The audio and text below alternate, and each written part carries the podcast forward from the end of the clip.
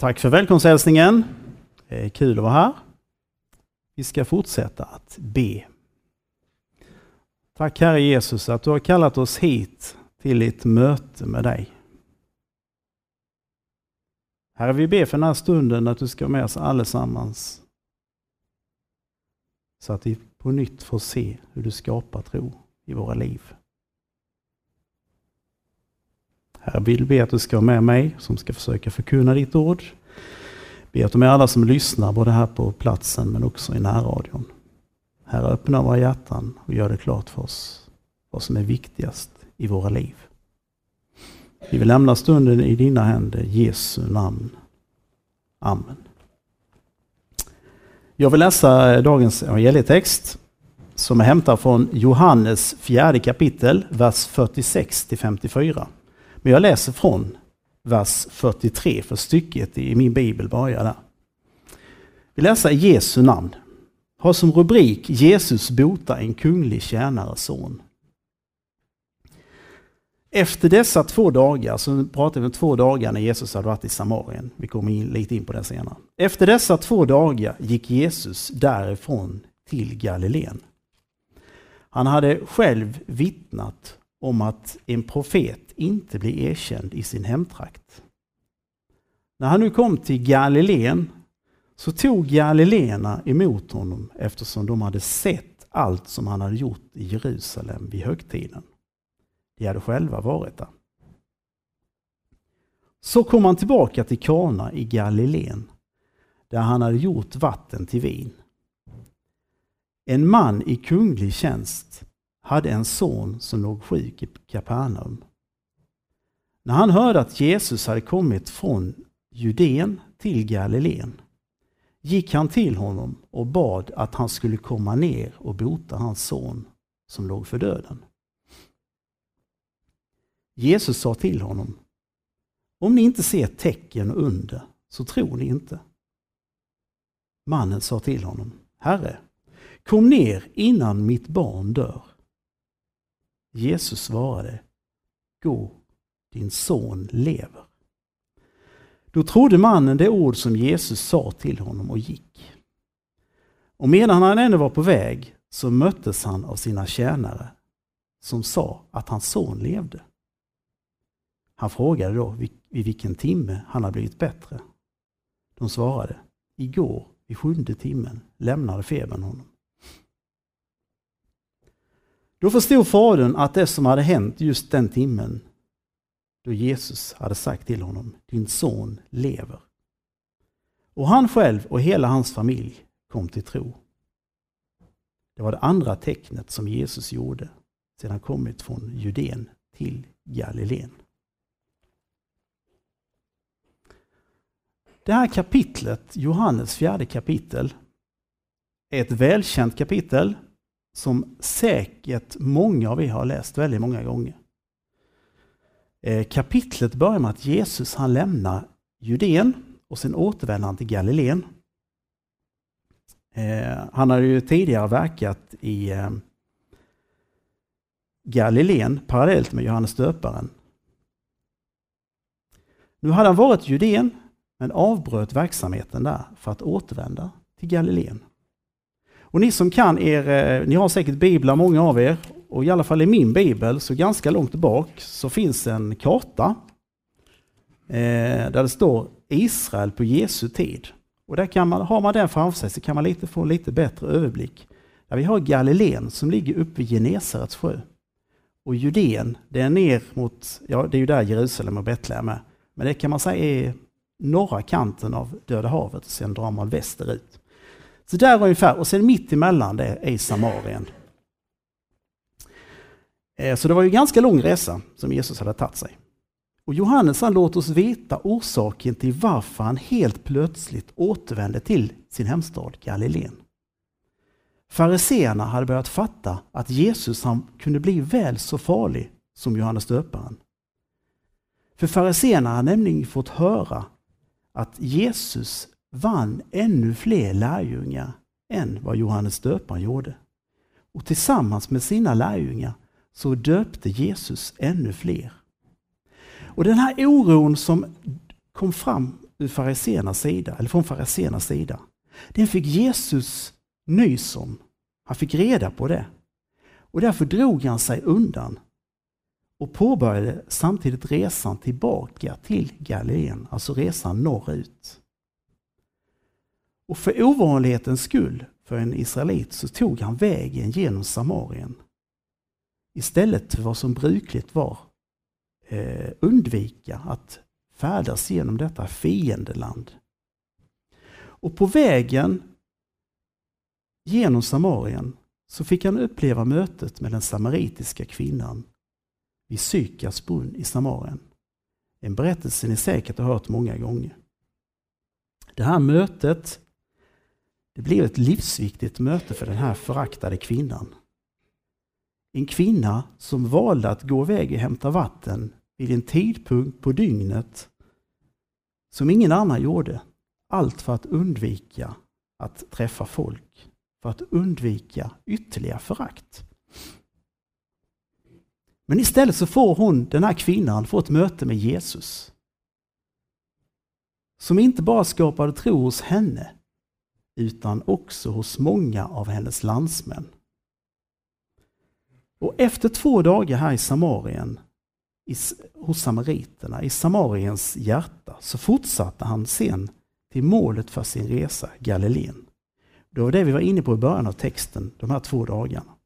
Och så hamnar han återigen i Kana, platsen där det första undret skedde.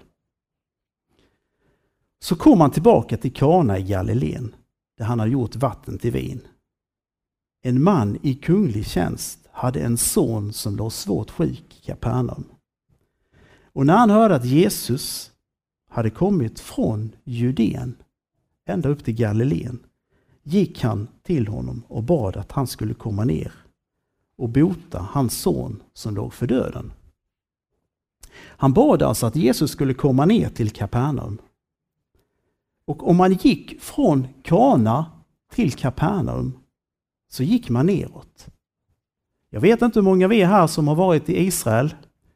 Eh, ni som har varit där, ni vet att det är ju inte sådär jätteplatt utan det är ju ganska kuperat.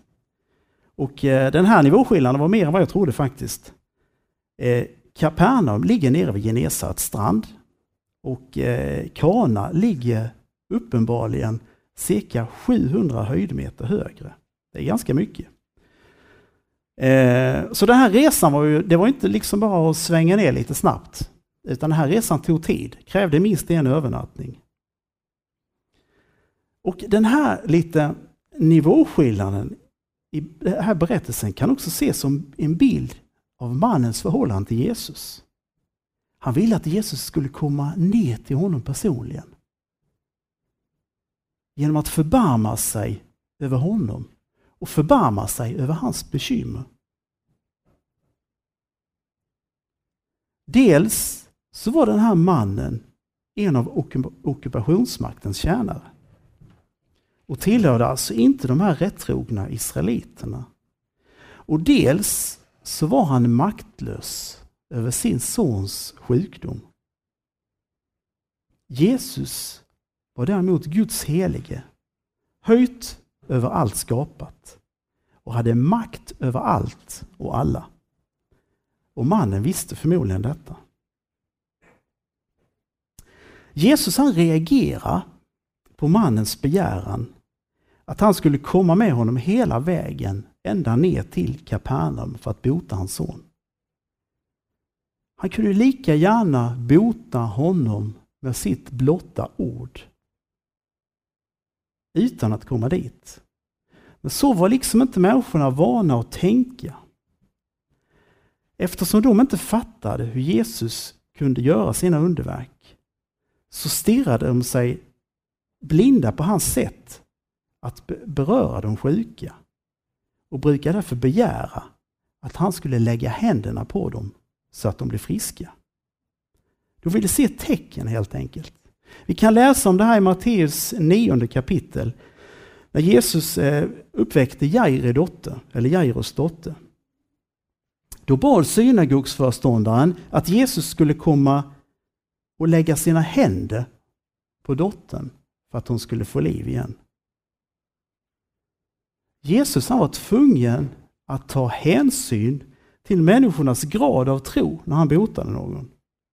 Han ville nämligen inte bota bara för själva botandets skull, utan så att människorna skulle få en andlig behållning av det genom en stärkt tro på honom som Guds son, världens frälsare. Jesus hade fått rykte om sig att han var en undergörare. Och till en början så samlades väldigt många människor för att de ville se under, de ville se mirakel. Men det var inte det som Jesus ville i första hand.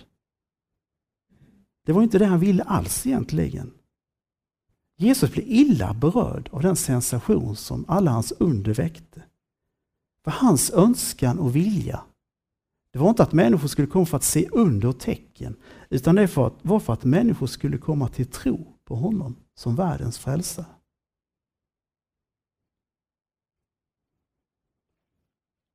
Eh, och när man läser i den texten vi läser, eh, så jag reagerade lite när jag läste om eh, den här mannen. För eh, i vers 48 så säger just Jesus detta, om ni inte ser tecken under tror ni inte. Men det verkar inte som mannen lyssnade på det. Han sa bara, Herre kom ner innan mitt barn dör. Och så säger Jesus, gå din son lever. Och han verkar tro direkt den här mannen. Så på något sätt så var ju inte den här mannen som så många andra som krävde tecken under, utan han trodde Jesu ord. I vers 49 läste vi också Herre kom ner, när mannen säger Herre kom ner innan mitt barn dör. Mannen han bad ståndaktigt. Om hans ståndaktiga bön är också ett, ett bra exempel på ett rätt förhållande till Gud. Han gav sig inte utan han fortsatte att vädja till Jesus. Han fortsatte att be och vädja till Jesus. Och en sann tro på Guds barmhärtighet och nåd, det ger inte upp innan det blir besvarat och bönhört. Eftersom den vet att Guds barmhärtighet inte kan svika. Jesus han visste såklart att den här mannen skulle, kunna, skulle komma till tro på honom utan att kräva svar via synliga medel. Det förstår man lite i den här eh, ordväxlingen vi läste om. Det räckte med några ord. Gå, din son lever. Och mannen litade på de här orden. Guds ord övertygade honom. Guds ord är övertygande. Det har en omotståndlig övertygande makt över alla dem som får tron genom evangeliet. Sonens tillfrisknande just vid den tidpunkt då Jesus hade sagt att han får leva. Det var en bekräftelse. Det var ett tecken på att Jesus både hade makt över sjukdomen och att han talade sanning. Visserligen så trodde mannen på Jesu ord redan när han uttalade orden. Men det hör till Guds ordning med oss att bekräfta ordet i våra hjärtan genom något synligt. Berättelsen som vi har gått igenom den handlar alltså om en man i en kunglig tjänst vars son ligger för döden. Man kan ana och tro att han gjort vad han kunde med den hjälp som han hade att tillgå genom sin ställning i kungahuset för att sonen skulle bli frisk. Men uppenbarligen så var det inget som hade hjälpt honom. Han har säkert makt och påverkan på väldigt mycket. Men här var han helt körd. Han kom inte längre. Han kunde inte göra någonting. Det fanns alltså i alla fall en sak som han inte hade makt över. Den här mannen hade en älskad son som var sjuk, förmodligen mycket allvarligt sjuk, eftersom han var rädd för att han skulle dö. Och här så var han plötsligt totalt maktlös. Rådlöst ser han på hur sonen blir sjukare och sjukare och närmar sig döden. Det är denna hans hjälplöshet, som får honom att söka upp Jesus. Den här mannen, som normalt säkert var både stark och oberoende, var nu helt beroende av Jesus. Tron på att Jesus skulle kunna bota hans älskade son, det var ingenting annat än ett rop på hjälp. Och den ropet på hjälp var orsakad av en hjälplöshet. Här stod den här kunglige tjänaren som förmodligen var van vid att ge order. Här står han och ber om hjälp. Vi förstår av texten att det troligtvis inte var någon troende människa. Han var ingen rättroende israelit som vi nämnde, utan tillhörde ockupationsmakten. Ändå så söker han upp en kringvandrande profet där ryktet säger att han har helande gåvor. Kanske såg han det här som en sista möjlighet, sista chansen. Han har gjort allt i sin makt. Nu var allt hopp ute. Om nu inte den där Jesus kunde fixa det. Han som uppenbarligen kunde utföra mirakel och bota sjuka. Kanske, kanske han också skulle göra hans älskade son frisk. Jag tror att vi många gånger kan känna igen oss i hans situation. Du och jag som bor i ett tryggt och säkert land.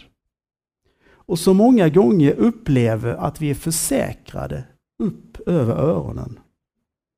Vi kan uppleva att vi har kontroll på väldigt mycket i våra liv. Vi kanske tror att, och tycker att vi har kontroll på det mesta i våra liv. Saker och ting flyter på. Det mesta blir kanske som vi tänker och hoppas och tror. Och vi tycker innerst inne att vi har ett visst oberoende. Men så plötsligt så kan livet förändras drastiskt. Vi kan stå för en, inför en sak där vi är totalt hjälplösa. Där inga försäkringar eller trygghetssystem i världen kan hjälpa oss. Det kan vara en allvarlig sjukdom som drabbar oss, eller någon i familjen, eller någon annan närstående. Men det kan också vara någonting annat. Vi upptäcker kanske plötsligt att vi inte är så starka och oberoende längre utan vi är svaga och hjälplösa utan möjlighet att fixa det själva. Det som är avgörande det är då hur du och jag gör med vår hjälplöshet. Försöker vi skyla över det hela? Hålla upp en fasad för att inte visa någonting? Låtsas som att vi har koll på läget? Eller gör du som den kunglige tjänstemannen? På sätt och vis förnedrar sig lite. Att han inte fixar detta. Utan han kommer till Jesus med sin hjälplöshet. Och det är faktiskt detta som är tron. Att komma till Jesus. Att komma till Jesus, att söka upp honom och komma precis som du är, precis i den situation du är, utan att krångla till det.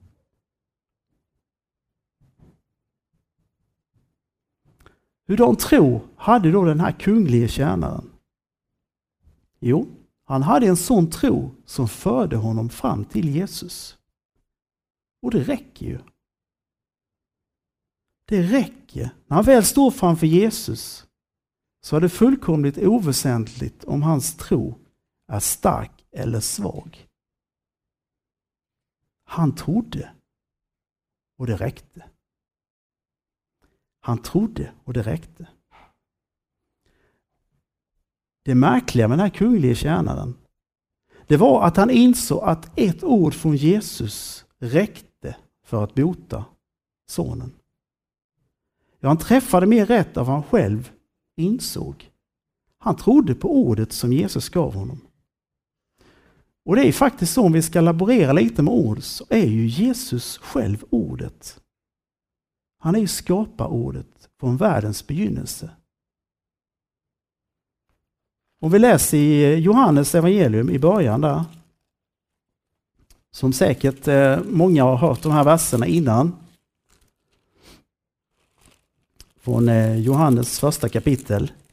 I begynnelsen var ordet och ordet var hos Gud och ordet var Gud. Det är ju Jesus det handlar om. Han var ju ordet, han är ordet. Han är skaparordet från världens begynnelse. Han var med och skapade världen och han har fortfarande makt att återskapa världen. Och det är det på sätt och vis som han gör nu när han botar den här tjänarens son. Genom ett ord så helas han från sin sjukdom. Att tro, det är alltså att komma till Jesus Kristus. Att låta min och din hjälplöshet och tro föra oss till honom och ta emot allt han har erbjuda av nåd. Men det är inte bara den kunglige tjänaren som du och jag kan identifiera oss med. Det är faktiskt också den sjuke sonen. För det är han som vi är allihop. Han som inte behövde göra någonting av sig själv. I det här fallet faktiskt inte ens tro. För det var pappan som engagerade sig för hans sak. Det var pappan som fixade det för hans skull. Det är vi som är i behov av att bli friska. Det är vi som är i behov av att bli helade av Guds ord. Men det är inget som vi är värda. Det är ingen belöning för något som du och jag har åstadkommit. Det är därför som vi säger, jag är inte värd. Det sker av nåd. Vi behöver bara ta emot det i tro. Kanske sitter du här idag som känner att du kanske inte riktigt lever ett sånt kristenliv som du önskar att du gjorde eller att du borde göra. Du kanske känner dig som en bristfällig kristen människa. Kanske känner att kristenlivet inte funkar så bra som du önskar.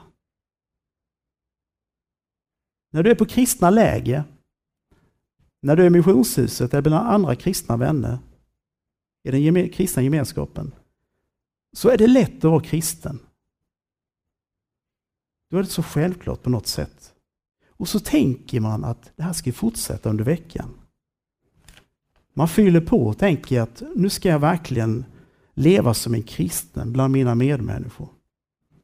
Arbetsveckan eller skolveckan hinner knappt börja förrän du är inne i den vanliga jargongen. Livet med den levande Gud kanske många gånger känns som bortblåst under veckan.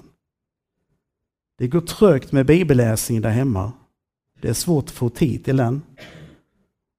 Sista kollen på Facebook, Snapchat eller Instagram tar alltid längre tid än vad du har beräknat.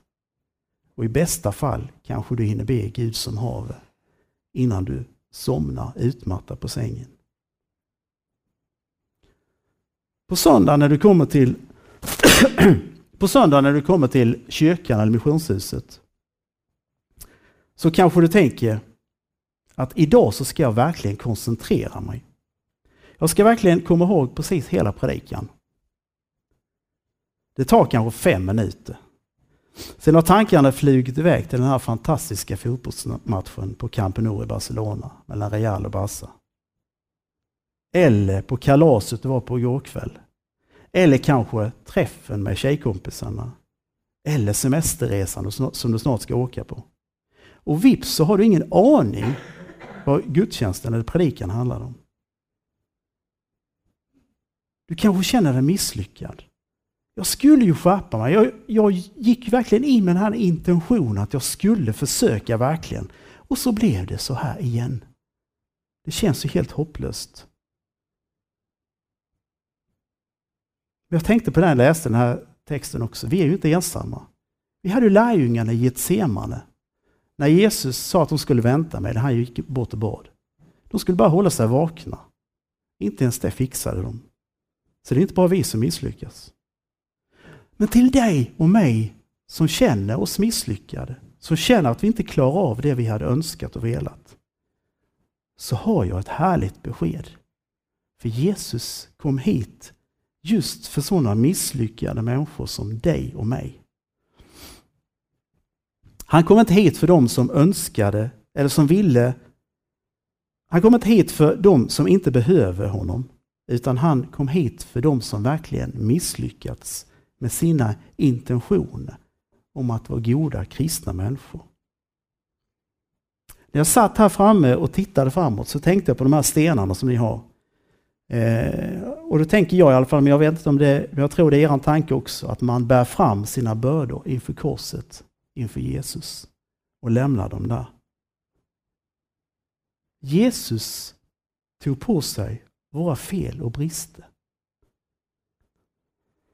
Han dog och uppstod för din och min skull.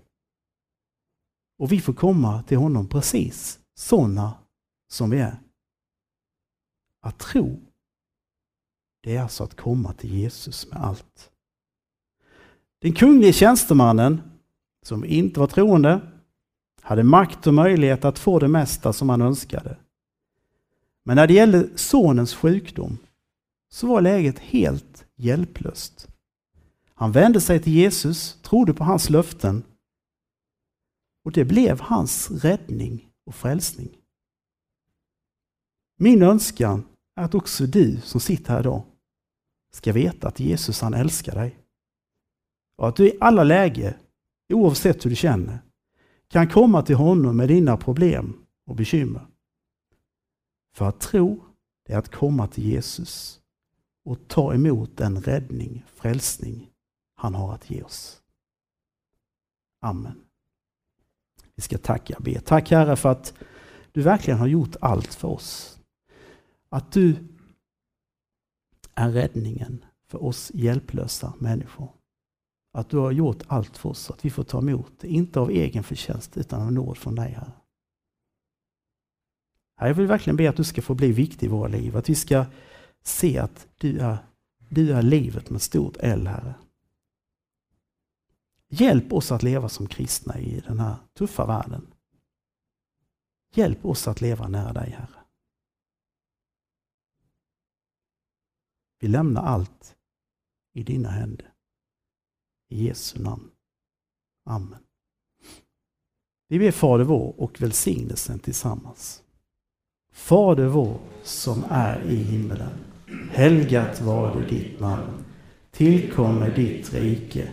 Ske din vilja så som i himmelen, så och på jorden.